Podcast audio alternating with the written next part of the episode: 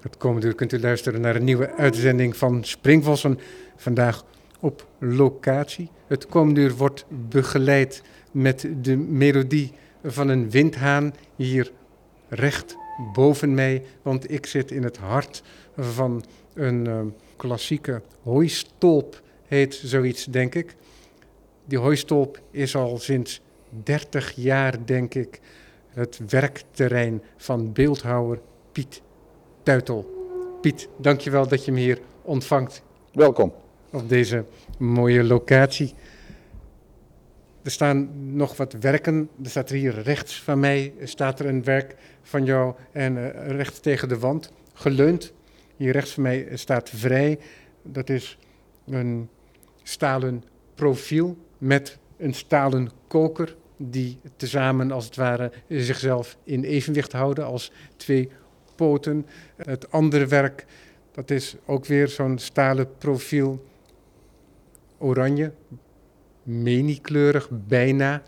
En een zwarte staander die wat lichter van vorm is, een hoekprofiel. Dat dan naar de windhaan wijst. Jouw werk zag ik voor het eerst bij Art Zuid, de laatste Art Zuid aflevering van Rudy Vos. En dat was een hele prettige kennismaking. En ik sprak onlangs met Ricardo van Eyck. En Ricardo van Eyck, deze jonge kunstenaar, had jou uitgenodigd voor een gesprek bij zijn tentoonstelling van Pact. En zo kwam het dan samen dat wij nu hier in deze stolpstudio zitten. Ja. Beeldhouwer, dat ben jij altijd al geweest, hè? Ja, tijdens de opleiding uh, in Tilburg, Theatex, kwam ik er al snel achter dat als ik moest schilderen tegen een paneel aan, dat ik altijd bezig was om er omheen te kijken. En ik vond het maar niks, ik vond het een belemmering. Dus ik ben al heel gauw in de ruimte gaan werken. En dat is nooit veranderd. Alhoewel ik sinds de laatste jaren uh, wel weer op het platte vlak werk. En tussendoor ook nog wel tekeningen maak. Maar, uh, oh ja, en bovendien hanteer ik kleur in mijn beelden. Is dat vanaf het begin even aan geweest? Nee. Nee. Het begin uh, wil ik er absoluut geen enkele lik verf aan hebben. Het moest gewoon heel natuurlijk zijn. Dus aangeroest of met butsen of gaten erin. Rauw. Rauw materiaal, ja. Ja. Uh, dat had zo zijn redenen. En, maar het was ook vanaf het begin af aan ook direct metaal. Moet ik even heel hard nadenken. Ik gebruik veel materiaal, waaronder metaal. Ja, ja. Uh, ik heb ook in hout gewerkt. Uh, ik heb veel ook met bestaande vormen of volgevormde materialen gewerkt. Uh, eigenlijk alles wat je niet in het museum kon vinden, dat koos ik. Behalve dan in de constructie van het museum. Ja, dat is niet. Maar uh, ja, ik vond het anders. Uh, weet je, ik wilde uit gaan zoeken waar het nou eigenlijk aan lag. Dat een beeld of een object een beeld werd. Mijn eerste atelier had ik in IJmuiden, langs de Trollekade. En uh, ruw gebied, rauw. En op die kade daar lagen altijd enorme hopen met netten en kettingen en altijd reuring. Um, vond ik fascinerend. Maar op het moment dat ik zelf zo'n stapel maakte in mijn atelier, dan had het nooit die intensiteit of dynamiek. Uh, vanaf dat moment ga je je afvragen, waar komt dat door? Ja, wat maakt dat iets goed is, zelfs als het geen werk is, maar dat jij het eigenlijk identificeert als een werk, omdat het zich losmaakt uit de alledaagse realiteit. Precies, ja. En ook niet stoelt op een, uh, op een, op een kunsthistorische connotatie. Want dat wil ik dus ook niet. Vandaar, uh, weet je, ga je in messing werken of wat dan ook, dan uh, werk je heel plastisch. dan heeft het eigenlijk al een bestaansrecht. Maar op het moment dat jij de kunstwereld inkomt als Ja. kunstenaar, Ja, dan bestaan die materialen bijna niet meer, toch? Die geen kunsthistorische connotatie hebben. Nee, maar ik moest zelf nog wel groeien als kunstenaar. Ik kwam toch eigenlijk wel echt uit de klei vandaan. Dus ik had ook in mijn middelbare schoolopleiding eigenlijk heel weinig educatie gehad, kunsthistorisch gezien. En uh, tijdens mijn opleiding kreeg ik dat wel. Uh, en uh, daarna krijg je de ateliers en dan worden je oren wel gewassen. En dan, en dan moet je voort. Maar dat is dus een, een hinkstap-sprongontwikkeling geweest. En, waarin het heel veel uitproberen en om je heen kijken is. En dan is er een soort lacune na die ateliers, die hectiek en dynamiek. Je bent je hele referentiekader kwijt. Ja, en dan zijn ook die, die kritische factor die de ateliers dan vormen ja. met je collega's en de dibbetsen die ja. daar uh, dan rondlopen, die zijn er ook niet meer. Nee, maar er is wel één ding wat overblijft. Je moet het allemaal zelf doen. En uh, leentje buur spelen, dat is uh, killing. Er wordt gelijk afgestraft van, met de opmerking, dat kennen we al. Dus, dat is een hele goeie, dat is eenvoudig te onthouden, maar dan moet je dus wel een heel traject in, waarin je voor jezelf veel dingen uit moet zoeken en moet bepalen. Ja, want het is over het algemeen vrij gemakkelijk om te zeggen wat je niet wil of wat je niet moet doen. Ja. Of wat je niet mag doen zelfs, ja. want dat bestaat natuurlijk ook. Maar om bevestigend te zijn, ja. Ja. dat is aanzienlijk moeilijker. Ja, dat klopt. En dat kost tijd. Ja, hoe is dat gegaan verder? Dus je hebt ook weinig geld in eerste instantie. En uh, nou, 1 en 1 is 2. Dus je duikt gewoon de containers, de afvalcontainers in. De jaren 80 werd er al veel verbouwd aan huizen en zo. Nou, daar haal je je materialen vandaan. En van de sloop en van de, wat allemaal niks kostte. En wat lekker ook niet deugde, weet je. Het past lekker niet in een museum. Nou, en om dan die transformatie te bewerkstelligen, dat het wel fascineert, dat het wel hout snijdt. Ja, dat is een lang traject. Ja, en dat het eigenlijk diezelfde vanzelfsprekendheid en kracht heeft als bijvoorbeeld die oude netten die je op een hoop ziet, op een kade. Exact, exact. Is dat te formuleren, wat dat dan is? Uh, kijk, het, het, is wel zo, uh, er worden tegenwoordig allerlei handvatten aangereikt om een beeld te beschrijven. Maar hoe je uh, intensiteit kunt verwoorden is heel moeilijk. Dus ik maakte nog wel eens de sprong naar muziek. En, en dan, maakte, dan legde ik een muziekstuk Glenn Gold bijvoorbeeld, naast zo'n hoop van die oh, visnetten. En dan nou, beschrijf ik Glenn Gold maar eens. En dan heb jij het over zijn uitvoeringen van Bach, neem ik aan. Exact. Ja. En dat, dat, is, dat is ook tak op een uh, pianoforte enzovoort. Ja, nou. Um, valt ook moeilijk te omschrijven. Je moet het zien, in, dit, in zijn geval moet je het horen. En, uh... Maar dat is wel een volledig bedacht systeem. Het is een gecomponeerd werk ja. dat vervolgens geïnterpreteerd wordt een paar eeuwen later door deze Mhm. Canadese pianist, Ja. Glenn Gould. Ja. En Glenn Gould die brengt zijn visie ten gehore daarmee. Ja. Ook. Dus daar is heel veel denken aan aan vooraf gegaan. En Ja. Ja. dat is niet zomaar iets. En die netten, dat is ook een systeem. En tegelijkertijd, als die zo neergedonderd worden op zo'n kade, Ja. dan volgt dat een bepaalde wetten van hoe een net zich gedraagt als die in elkaar zinkt en dan op een hoop terechtkomt. Ja. Dan heb je nog het element dat die netten ongetwijfeld gebruikt zijn en aangedaan door Ja. dat gebruik wellicht. Ja. Is dat de reden waarom ze ook daar op die plek lagen? Precies. En hoe hoog is die stapel? En hoeveel stapels liggen er naast elkaar? En die netten die zijn ook niet geïsoleerd in Nee. een witte ruimte, Precies. maar die liggen op een kade, Kijk. een werkruimte. Ja. Ja. Ja. Ben ik bij Jozef Beuys. Die had een heel mooi vetsculptuur gemaakt in, net ook Gelsenkirchen dacht ik.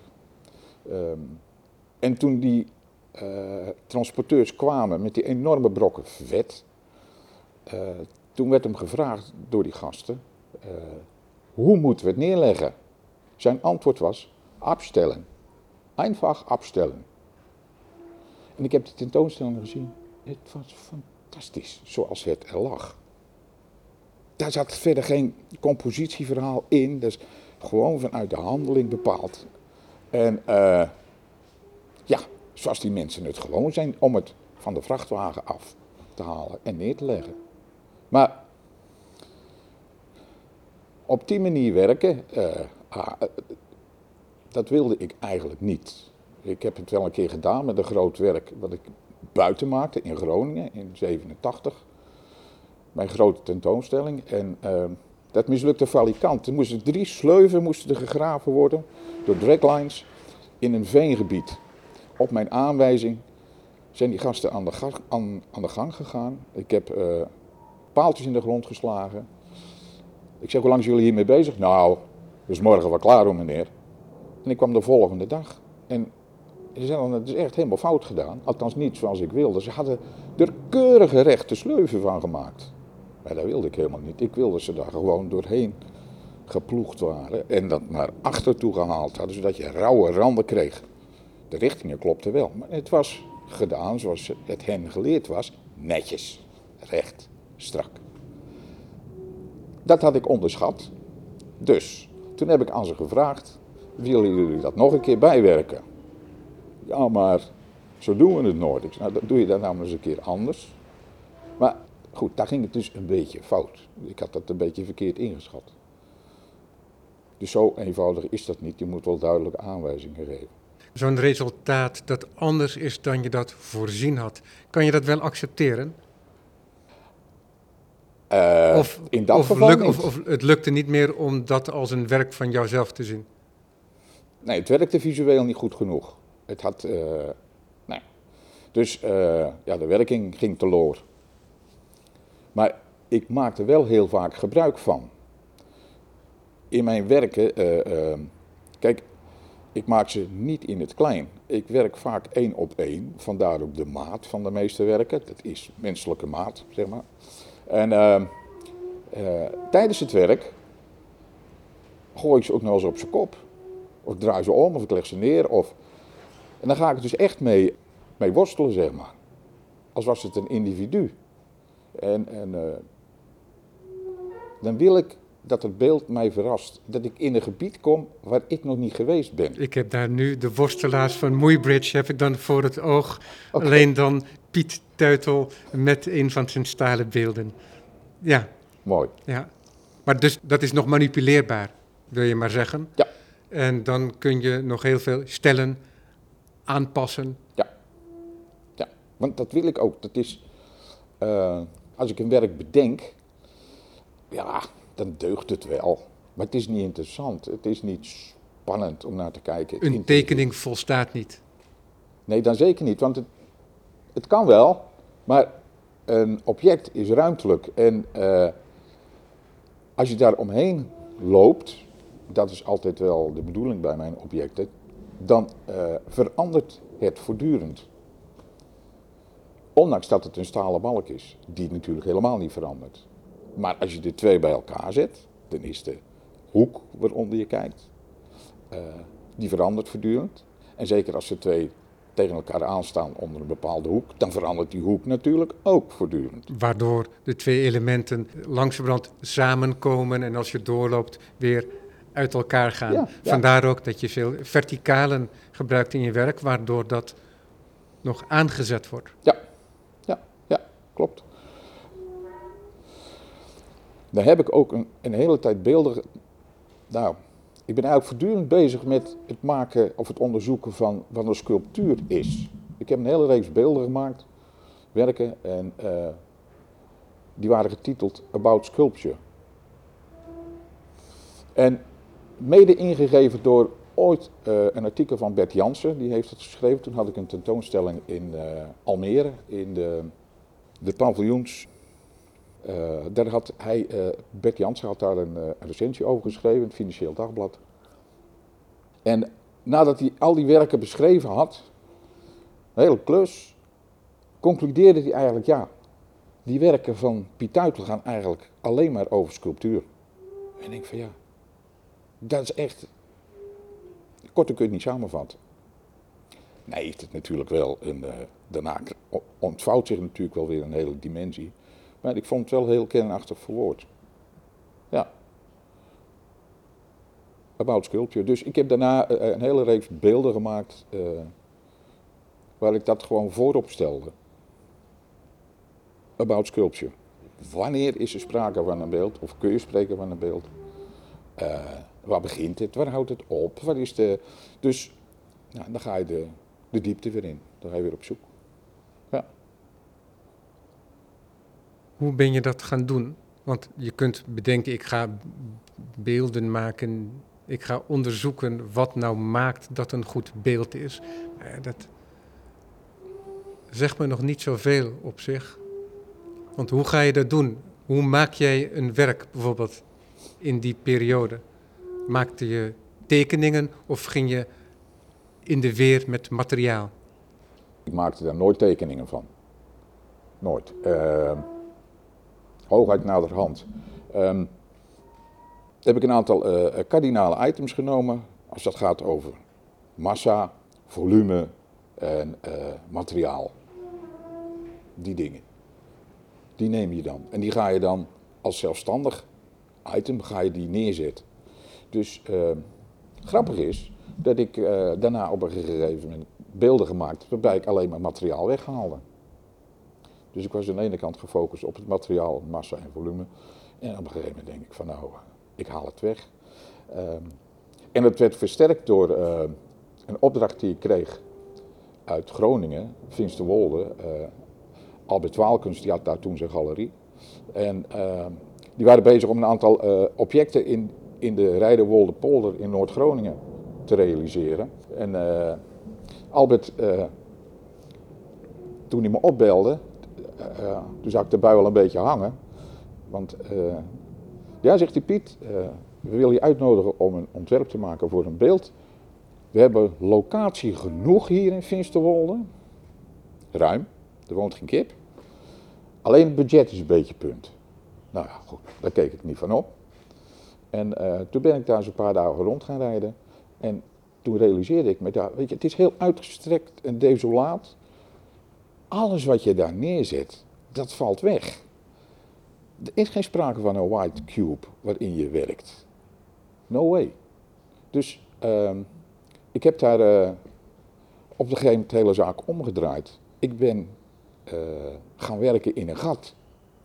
En eh, zijn er gehad? Jawel. Met de landaanwinning aanwinning daar hebben ze allemaal dijken gemaakt. En er moesten landbouwvoertuigen doorheen. En dan zie je dus een gat in een dijk. Maar in eerste instantie valt het niet op. Behalve als daar op een gegeven moment de schaduw invalt. Dan denk je, hé, dan loopt een weg. En eh, toen denk ik van, daar moet ik beginnen. Dat is, eh, dus toen ben ik een beeld gaan maken in niks, in een gat. En dat deed ik met verf. Toen heb ik eh, geel, zwart en rood gebruikt om daar eh, op een bepaalde manier die vlakken in te vullen. En eh, dat is wonderwel geslaagd. Dus ik, ik heb er eigenlijk niks toegevoegd, maar het was van alle kanten zichtbaar. Je hebt het gemarkeerd. Eigenlijk wel. Ja. En door de markering eh, werd het sculptuur. Nou ja, het, het, het Want dat, dat, want dat lijkt een beetje op wat je dan ziet op de kade. Ja, Ja, die ja. hoop netten. ja, En nu zie je dan zo'n dijk. Wat zo'n dijklichaam Ja. is natuurlijk heel sculpturaal, landschappelijk gezien. Ja. En je ziet daarin de onderbreking. En de onderbreking wordt aan het werk, als het ware. Dat identificeerde jij zoals je die netten identificeerde. precies. Met dat verschil dat je het markeerde nu. En die markering die vond plaats met kleur en vlak. Klopt. Want ik wilde er wel mijn object van maken. Het andere was het gewoon maar een, uh, een landschappelijk item. Nou, en uh, het is goed opgepikt in die zin dat er, uh, er is een stichting opgeroepen. Er staan nog meer beelden, ook van Arie Berkelin en, enzovoort. En, en die worden gewoon door, door de buurt, zeg maar, daar onderhouden. Want dat gaat natuurlijk wel eens fout met een hè, vrachtwagen met hooi. En dan, ja, dan moet het geel weer opnieuw geel geschilderd worden. Ah, er wordt goed voor gezorgd. Jawel. Ja, mooi hè? Dat is mooi. Ja, dat verwacht je daar niet. En Weet ik niet, maar... ja, nee, toch wel, ja. En uh, nou, heel veel mensen bleven er uh, plezier aan. Ja. En is er dan iets wat aanleiding geeft om dat vaker te doen? Want het is een schilderkunstige ingreep. Ja, ja. Oh. Dan ga ik daar niet over uh, steggelen. Maar ja, ik heb het wel hier in de buurt, in de regio. Ik denk, doe het wel wat dichterbij eens een keer. Een aantal want er liggen een aantal van die kunstwerken, viaducten en zo hier in, in de omgeving. En dan moet je er bij die provinciale overheid en bij dat, nou ja.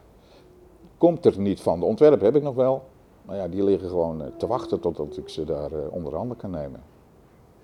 Het zit er niet in dat het gebeurt, maar ja. ja dat is vaak. Een probleem ja. met uh, ontwerpen voor de publieke ruimte. En ik denk ook dat er veel minder opdrachten zijn voor werk in publieke ruimte. Ja. No. Ja, behalve dan zo'n Noord-Zuidlijn dan als de markering van een uitzondering. Ja, precies. En, en uh, het is ook goed dat, dat daar geld heen gaat, want daar komen per slot ook veel meer mensen doorheen. Uh, maar het is wel een heel ander verhaal dan ja. in de jaren zeventig. Ik wil graag weer terug naar je werk op menselijke maat. Ja. Hè, waar we ook uh, hier in gezelschap van zijn. Ja. Ja. Want dat maakt ook dat het een soort figuren in de ruimte worden, ja. al heeft het niets figuratiefs. Het zijn werken die bestaan uit twee elementen.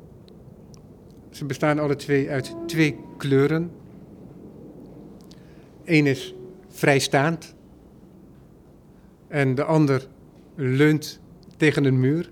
Het is dus zijn eigen uh, drager ook tegelijkertijd, wat zo'n stalen profiel ook is. Ja. Hè, dat is ook een drager. Ja. Je zou kunnen zeggen, een heel kenmerkend werk voor jou, wat we hier zien. Ja, ja. De kleurstelling uh, van degene die tegen de muur aanleunt, dat is oranje met zwart. Misschien uh, is dat al genoemd, maar de bedoeling is dat die kleuren er wel voor zorgen dat die, uh, dat die de ruimte uh, rond doen gaan, zeg maar. Dan komen we weer buiten naar, bij die werken About Sculpture. het is een element van sculptuur, het is niet statisch. Het beweegt. En nou ja, goed, dat is iets wat ik altijd erg belangrijk vind in mijn werk. En dat zorgt die kleur voor, of de kleurstelling. Degene die vrij in de ruimte staat is magenta met kobaltblauw.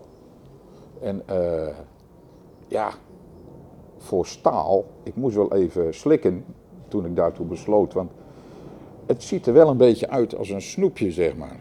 En, uh, maar het werkt heel erg goed. Zeker in combinatie met die oranje-zwart die hier staat. In, met z'n tweeën zetten ze de, nemen ze de hele ruimte in beslag eigenlijk. Ja, want wat bedoel je daarmee? Kijk, je gebruikt verticalen, ja. wat een dynamische vorm is. Ja. Dus dat sowieso. En je zegt ook vervolgens, ja, die kleuren, die zorgen ervoor, en dat zijn mijn woorden dan, dat de lucht eromheen gaat wervelen. Hè, dat de ruimte in beweging komt. Mede ervoor. Ze, ze, ze, ze versterken dat effect, want inderdaad, zoals je zegt, de structuur van de beelden zelf doet dat ook al.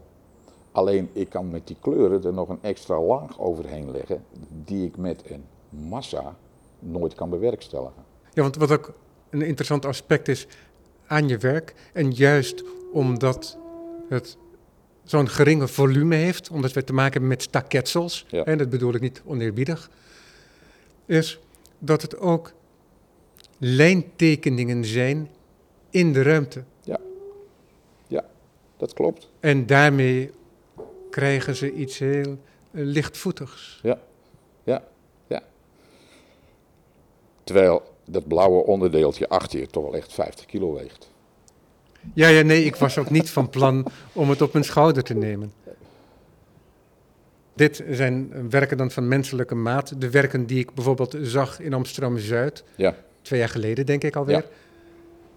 Aanzienlijk groter. Ja. Dat neemt niet weg dat die nog steeds hetzelfde effect hebben. Ja. Dus die rankheid maakt dat het net lijkt alsof het een potloodlijn, voor mijn part een penseellijn is, die Ja. in de ruimte is getrokken. dat klopt. En eh, mede door de hoek waarmee die bevestigd is aan het andere element, er bestaan er twee elementen, dat zorgt ervoor dat je eh, dat die blijft bewegen, virtueel. Hij beweegt natuurlijk helemaal niet, maar als je er als toeschouwer omheen loopt. Grappig was wel, toen Rudy Fuchs van tevoren hier op het atelier was, had ik een aantal modelletjes neergezet. En hij komt binnen, grote lange jas aan. En het eerste wat hij doet is naar die kleine modellen lopen. En hij tilt ze zo op en hij gaat ermee spelen door die ruimte heen. En dan moet je nou toch eens kijken. Wat voor effect dat sorteert. Dat mensen daar gewoon eh, eh, daar wat in de richting, of met de richting van die objecten willen gaan doen. Het genereert een activiteit. Nou, en toen wist ik dat het goed zat, want toen waren ze nog maar 60 centimeter hoog. En in het echt zijn ze uiteindelijk een meter of zes hoog geworden. Ja. Ja. Ja. En die modellen, is dat ook werk? Ja. Maak je ook kleinere beelden, is dan de vraag. Zeker wel. Ja. Hier achter me staat een tafel en daar liggen een aantal schetsen op. Die misschien wel autonome objecten gaan worden na verloop van tijd. Ja, ik zie wat een U-profiel. Ik zie twee rechthoekige kokervormen. Sommige liggen schuin, de andere liggen met de pootjes in de lucht. Ja, ja, klopt. En sommige liggen daar al maanden, zonder dat ik er wat mee doe. En hetzelfde werk werkt op verschillende dimensies. Vaak wel. Vaak wel. Nou ja, goed, dat heeft Aard Zuid eh, laten zien. Eh, eh, daar werd het in één keer tien keer zo groot, zeg maar. Je zit alleen, nou goed, eh, uitvoeringstechnisch, zeg maar, is het eh, veelal een probleem. Om dat groter te maken. Maar eh, in het Krullenmullen Museum heb ik ook beelden laten zien, die waren dan een meter of vier hoog. Ook van stalen profielen. En die, die, die, die, die werkt ook prima. Terwijl in, in eerste instantie ook veel kleiner waren. Ja. Ja. Dus dat is ja, werkbaar, zeg maar. Maakt dat het beeld anders als je klein begint? Nou, je moet wel, als je hem uit gaat vergroten, het is niet alleen eh, dat je de eh, eh, lengte, de breedte enzovoort met dezelfde factor kunt vermen- vermenigvuldigen. Dat gaat niet werken. Dus je moet altijd goed voor ogen houden wat de insteek van het object is. Wat wil je er nou mee bewerkstelligen? En dan is het, dus je moet weer terug naar de kern van je object. En dan, eh, ja, de maatvoering wordt dan wel heel erg belangrijk als je zo'n, eh, in zo'n dimensie gaat werken. Maar ja, ik heb er inmiddels zoveel, of tenminste redelijk wat van gemaakt. En daar krijg je dan op een gegeven moment wel eh, slag van. En het is nog steeds zo dat je geen tekeningen vooraf maakt. Nee, nee. Dus het grafisch werk wat er van jou is, en dat is er, Ja. dat is principieel ander werk. Ja, dat gaat niet over objecten eh, eh, zoals je ze hier ziet. Maar het gaat allemaal wel over, eh, zeker de, de laatste reeksen vinylwerken, zeg maar, op eh, museumkarton. dat gaat, gaat ook allemaal over lijnen. Althans, lijnen die een, een ruimte maken. Maar ik kan op een plat vlak, zeg maar, een, daar steek ik op een onmogelijke ruimte, koers ik af. Een ruimte die ik niet zo makkelijk driedimensionaal kan maken. Omdat ik, daar zit toch altijd weer met technische problemen. En de illusie op een plat vel, op een tweedimensionaal vel, vlak, werkt toch vaak sterker. Je hoeft ook niet aan te tonen dat het blijft staan. Dat neemt me zo. eh. Dus ik kan eh, de specifieke tweedimensionale eh, ruimte, daar kan ik op een andere manier mee werken en dat is, dat is mijn insteek. Ja. Theo van Doesburg die heeft ook met, ik denk, Van Eesteren was dat, Ja. als ik het goed Ja, heb, zo'n model getekend. Hè, een, een contracompositie noemde hij dat, een axonometrische tekening. En dat werd dan als oefening gebruikt in Delft om daar modellen van te maken. Oh ja, En daarover wordt dan ook altijd gezegd dat dat inderdaad onmogelijk echt uit te voeren is. Hè, er bestaan Ja. wel ja, grote modellen van, ja, maar daaraan zie je dat het inderdaad niet gedacht is als architectonische constructie, ja, maar dat het inderdaad een tekening is. ja, ja, ja. En daar steek ik ook op in. Als ik die bezig ben met het tweedimensionale werk. Om dingen te doen die je anders niet kan doen. En die eigen zijn aan de, de materie. Ja, al werkend ontstaan daar dan weer inzichten over eh, nieuwe beelden, zeg maar. Ja. Nou, dat wel. Jawel, Is dat dan meer op het niveau van kleurcombinaties? dat kan. Maar ehm, zoals gezegd, ik werk met vinylstroken. En er zit op de achterkant eh, zitten er, eh, zit, zit, zit er een laagje, zodat het niet gelijk vastplakt op het karton. Dus ik heb heel veel stroken heb ik gesneden en daar kan ik mee schuiven over mijn vlak. Maar ze steken ook over de kaderranden heen. Kijk, en dat wordt het heel interessant voor mij om naar te kijken. Als tekening, dan snij ik ze af. En dan is het wat er op dat vlak gebeurt, dat is het. Maar ik heb ook al, daar hier achter me staan, een aantal paneeltjes in hout. Met van dat hele dikke boomband erop. Dat zijn, dat zijn eh, toekomstige eh, werken. En die, eh, die staan Toekomstige werken als in toekomstige beelden. Ja, ja, ja, ja. En die hebben hun ontstaan dan gekregen door die stroken vinyl Ja. die over de kaderrand heen steken. Dus ik, heb- ik, ik heb een paar reststukken multiplex gepakt en daar heb ik een hoop van de boomband tegen niet. Een willekeurige dimensie. En gepositioneerd tegen de wand. En verder bestaat dus alleen maar op foto. Ja. Wat ik interessant vind aan jouw werk, is toch dat jij zegt dat je op zoek ging naar die klaarblijkelijkheid van die netten, Ja, maar dat je werken maakt die zich veel meer van de omgeving losmaken, al was het maar door het kleurgebruik. Dat, eh, je schuwt daarbij het artificiële niet, want je zou kunnen zeggen dat je op zoek gaat naar een soort alledaags iets dat dezelfde doorleefdheid kent. ja, Maar jij zoekt het juist helemaal de andere kant. ja. Aan de andere kant, in ieder geval tegenwoordig. Precies, wat je zegt. Vroeger niet. Dan bleef je daar een beetje in hangen. Maar je moet op een gegeven moment wel stappen maken en jezelf ontwikkelen. En ehm, Kan je daar iets over vertellen, hoe je tot je kleuren komt en hoe je daarmee bent begonnen? ja, dat vind ik wel aardig dat je dat vraagt. Die komen namelijk uit. eh,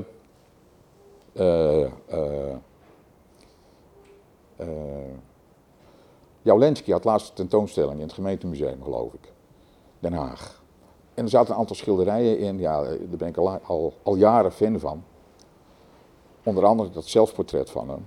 Schitterend, maar zo zijn er meer te noemen. Die, eh, dus dat abstract expressionisme in de schilderkunst heeft altijd al mijn eh, fascinatie gekend. Daar haal ik mijn kleuren vandaan. Dus eh, magenta tegen groen Door aanzetten. naar schilders te kijken. Ja, door naar schilders te kijken. Eigenlijk ben ik een colorist. Nou, ik, ik hou niet van etiketten, maar daar zoek ik wel de spanning die, die er in die werken te zien is. Ja, eh, daar kan ik niet genoeg van zien. En, eh, en die pas ik toe in mijn, eh, in mijn werk, in mijn beeldend werk. Is dat iets wat er zo ingeslopen is of heb je dat echt bedacht? Nou, toen, toen ik eens goed realiseerde wat voor effect dat nou sorteren uiteindelijk op het platteoppervlak. En ik vind het is heel goed bruikbaar ook in, in mijn beelden. Het begon op het platte vlak. Eh, nou, ik gebruik al heel lang kleur. Maar dan ging het niet verder dan bijvoorbeeld geel en, en eh, zwart-wit en, eh, en dat soort dingen. Dan hing dat nog een beetje, en eh, oranje dus, een beetje tegen de kleuren aan die je normaal ook bij het materiaal staal vindt, aantreft. Maar toen, toen wilde ik wat meer ruimte genereren door die kleur. En Toen ben ik eens opnieuw naar die schilders gaan kijken, hoe dat die dat deden op platte vlak. Wat is daar bruikbaar voor mij? En eh, het maffe is, eh, ja, dat beeld van blauw en magenta, eh, wat er staat, ja, dat lijkt wel heel erg op een snoepjeswinkel. En is het aan mij de taak om ervoor te zorgen dat je dus eh, van dat idee afkomt. Dat het zich als beeld, als object manifesteert. En, eh, en dat kan. Moet je een aantal andere dingen doen die in de snoepjeswinkel niet gebeuren. En, eh, en dan lukt het wel. Ja, maar je hebt natuurlijk ook nog het spanningsveld met het materiaal, Ja. dat toch kloek materiaal is. Ja, ja, ja, ja, ja, ja klopt. dat klopt. Dus dat geeft mij weer de nodige ruimte dan. Maar eh, Maar dat opende wel een heel nieuw perspectief op je werk. Ja. ja, ja, ja. Ik denk dat vanaf. Nou, eh. Oh ja, ik heb nog een tussenstadium gekend. Toen maakte ik ze allemaal groen. Allemaal beelden. En eh, toen kwam ik uit de kleur niet zo uit. De kleur die Mondriaan niet gebruikte. Juist. En Jos van Merendonk wel, geloof ik. Ja. En eh, dat vind ik eh, een fantastische kunstenaar die eh ijzeren volhoudt in die kleur. En daar is een. Nou goed, kortom. toen denk ik van ja, ik, ik ga nog helemaal los, zeg maar. Ik, ik, ik, ik, ik laat me niet meer door conventies eh, eh, eh, beperken. En, En welke conventies heb je dan in gedachten? nou, die maak je meestal zelf. En die sluipen erin van wat je nou wel en wat je nou niet kunt maken, zeg maar. En ik ben toch altijd meer van het eh, ge- gefascineerd door mensen die de grenzen opzoeken en het liefst er nog even wat overheen gaan. En, eh, dus het, het, het, het avontuur. Ja, want over een grens gaan is op zich niet zo moeilijk natuurlijk.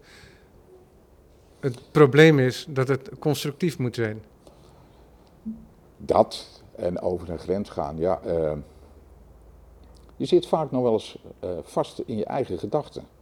Kom er maar eens uit. Ik bedoel, kijk maar eens over het randje van je eigen emmertje heen. Nou ja, En dat in je werk halen van de kleuren Ja. is zo'n moment. ja, en, eh, En voelde dat als een bevrijding? ja, ik vond het wel een avontuur. of was dat heel moeilijk in het begin? Nou, ik had een tussenfase, dat groen. Dat was wel vrij makkelijk. En eh, ja, daarna eh, kon het alle kanten uit. Zolang het maar eh, functioneel was. In die zin, als het maar eh, een toevoeging was aan mijn ruimte die ik creëerde. Dat het daar een, eh, nou, een nieuwe boventoon voerde of een... eh, en soms kan ik me dan makkelijker uitdrukken in, in muzikale items dan in sculpturale, want er zijn er niet zoveel van. Ik heb thuis nog een lijstje zitten maken van, van, van eh, beeldhouwers die kleur gebruiken. De Noordoostenwind die houdt ons ook nog steeds gezelschap. Ja, Maar, eh, maar beeldhouwers die kleur gebruiken. ja, En er zijn er niet zoveel van. nee. Nee, Guus Romein bijvoorbeeld deed het. Maar ja, op het internationaal terrein is het ook mondjesmaat wat er aan kleur toegepast wordt. Kleuren, dat zeggen zelfs schilders die kleuren gebruiken. eh, Dat is een moeilijk terrein Ja, om eh, te winnen. Ja. Ja. En zelfs bij schilders hoor ik vaak dat ze dat pas later in hun carrière, laten we zeggen, onder de knie krijgen. oké, ja, Je hebt ook mensen die daar een soort natuurlijke hand voor hebben. ja, Daar schaar ik bijvoorbeeld Krijn de Koning ook wel onder, denk ik. ja, ja, ja, Die heeft een heel eigenzinnig kleurgebruik. ja, ja. Maar waar ik ook graag naar mag kijken is een eh Günther Tutsina bijvoorbeeld. Ja. Weet je, eh, hij werkt op doek. Het is plat vlak. eh, zijn werken zien er hartstikke ruimtelijk uit. zonder dat hij een figuratie toepast. Zonder dat hij een figuratie toepast. En eh, hij weet altijd te boeien met die enkele toets die, daar op dat, eh, die hij daar neerzet. Ja, hij heeft, net als jij, natuurlijk alleen op het platte vlak een hele duidelijke inperking van waar hij opereert en hoe Ja. hij opereert. Ja. En hij heeft inderdaad wel een heel duidelijk eh, eigen kleurgebruik. Ja. Ja, Ja. zeker. Ja. Ja. Ja. En hij heeft er dan ook wel wat muurschilderingen gemaakt. Maar die zijn veel bescheidener dan bijvoorbeeld het werk van Solowit. Ja. Dus Ja. het blijft een schildering op een muur. En Ja. bij Solowit is het zo dat het gaat woekeren in de architectuur. Ja. Ook. Ja. En dan heb ik natuurlijk de trappenhuizen in gedachten in Den Haag, Ja, ja, bijvoorbeeld. ja, ja. Ja, en die, eh, en die wandschilderingen die hij daar gemaakt heeft tot de begane grond. Of laten maken. Ja, ja, Ja. klopt. Maar goed, dus kleur in je werk, dat, was, dat wees een nieuwe kant uit. Ja, Ja. En dat maakt het ook mogelijk om iets uit te drukken wat van belang was Ja. in jouw werk. En Ja. dat is de ruimtelijkheid en de dynamiek, noem ik het dan maar even. zo je wil. Ja, dat is misschien wat platter dan wat jij zegt, dat de ruimte in beweging gebracht moet worden. ja. Of de lucht, zei je zelf. Ja, goed. eh, Ja. ja. Maar dat doet het, ik bedoel. Het is met, met woorden ook tasten. Om het duidelijk, eh, eh, duidelijk te maken. Jazeker. Ja. Een goed geplaatst onjuiste woord heeft ook zijn functie. Denk ik. ja, dat geloof ik, ja. Ja, Ja. zeker, zeker Ja. wel. Ja. Ja. Hoe werk jij nu? Want we zitten hier in een studio waar je 30 jaar hebt gewerkt. En die studio die ga je verlaten. Ja. Ehm, ik zit te denken aan een. eh, om werken op locatie te gaan maken. Dus een soort guerrilla-sculptuur. Is niet nieuw. Is al lang gedaan, ook door andere kunstenaars. Met hetzelfde materiaal als dat je nu gebruikt. Dat weet ik nog niet, want het is een beetje, een beetje, een beetje zwaar. En je moet het maken en dezelfde dag weer meenemen. En hoe ga je dat allemaal doen? Dus eh, ik zat eigenlijk te denken aan een heel erg licht materiaal. Kijk, eh de achter je staan een stel eh, deuren. Nou, die zag je zo door de midden of daar doe je van alles mee. Die laat je op je auto en dan kun je, dan kun je weg. Naar buiten, Dat is interessant, Piet. Want dan lijkt het net alsof je weer helemaal naar die begintijd gaat. ja. In de jaren 80. Ja. Waarin je voorhanden materiaal uit de vuilcontainers trok. Ja, Om Ja. werk mee te maken. Ja, alleen eh, ik ga er nu andere dingen mee doen, denk ik. Het, eh, maar wat weet ik niet. En eh, ik wil er eigenlijk ook eh, voorlopig niet over denken, want dan ga je er al een invulling aan geven. We hoeven er ook niet heel uitgebreid over te Nee. spreken. Maar zo is bijvoorbeeld Geert Verbeke van de Verbeke Foundation, die heeft mij gevraagd of dat ik geen zin had om bij hem op het terrein nog weer eens een beeld te maken. Nu heeft hij al een aantal beelden van mij en die staan opgesteld. Maar hij heeft ruimte genoeg daar. Materiaal heeft hij ook. Nou, ik heb gezegd, ik zal er eens over denken. Eh, ik weet het niet. Het zou kunnen gebeuren dat ik dat ga doen. Ja. En lever je hem dan een tekening? Geef je dan een idee? Want wat, in- wat interessant is daarin, is Ja. omdat hij al werk van je heeft, Ja. dat je waarschijnlijk ook gaat nadenken over dat werk wat er al staat Ja. en wat je daaraan toe kunt voegen. Want daarmee eh, maak je collectie. Hè? Dus je Ja. moet over de collectie gaan nadenken Ja. dan. Ja. Ik stel me voor dat dat een uitdaging is. Ja, ja, dat is. ehm, maar nogmaals, het zijn eh, eh, dingen die liggen wat mij betreft nog een beetje ver vooruit in het, in het verschiet. En ik zit eigenlijk eerder te denken om een aantal hele kleine beeldjes te maken. eh, waar ik net over sprak, dus van dat multiplex eh, met boomband. Dat je een kleurtje geeft met acrylverf. Heel licht, Zodat je veel bewegelijker bent. ik ben bewegelijker. Ik, weet je, als ik met een camera kun je de zaak zo foppen. Als ik iets kleins tegen de muur aan zet en vanuit een bepaalde hoek fotografeer, dan lijkt het al gauw heel wat. Ja, want daar zijn al wat voorbeelden van te zien op je website van kleine beelden Ja. die je inderdaad ook heel groot zou kunnen denken. Ja. Precies. Dus ja, misschien eh, ga ik er veel meer met mijn camera op uit. Je bent voornamelijk bekend van je, van je stalen werk. Ja. Ja.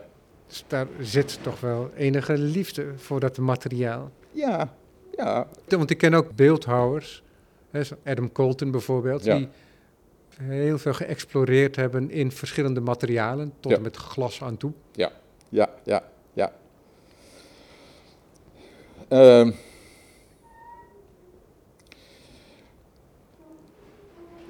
eigenlijk ben ik in mijn hoofd nog niet zo ver met wat ik wil gaan doen. Dit, dat verhuizen, daar ben ik nou ook. Ik kom je op een raar moment tegen eigenlijk in die ja, zin. ja, ja, ja. Ik ben er al anderhalf, twee jaar mee bezig. En eh, fysiek is het ook niet je dat geweest het afgelopen jaar. Dus het, het, het, eh, maar het komt allemaal wel goed. Maar eh, ik heb het mezelf erg in acht genomen door niet te ver in de toekomst te kijken. Ja. Maar beelden blijven Maar ik kan me voorstellen dat het ook een mooie uitdaging is om veel bewegelijker te zijn en heel veel beelden te kunnen produceren, omdat je nou eenmaal minder aan productietijd kwijt bent.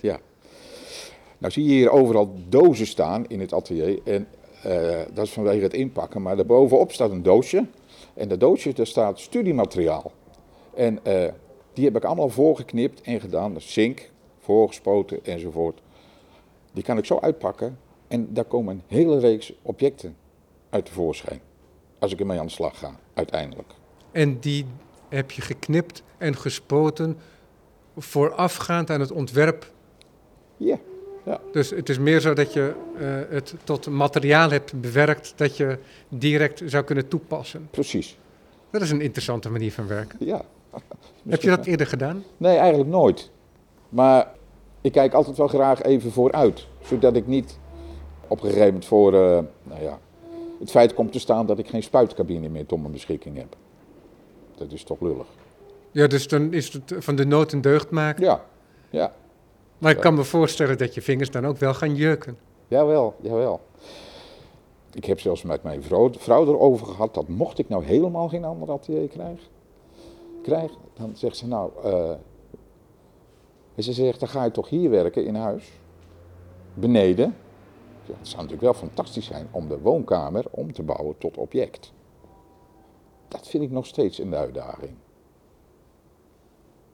Ja, Sommige mensen weten niet wat ze zeggen, denk ik.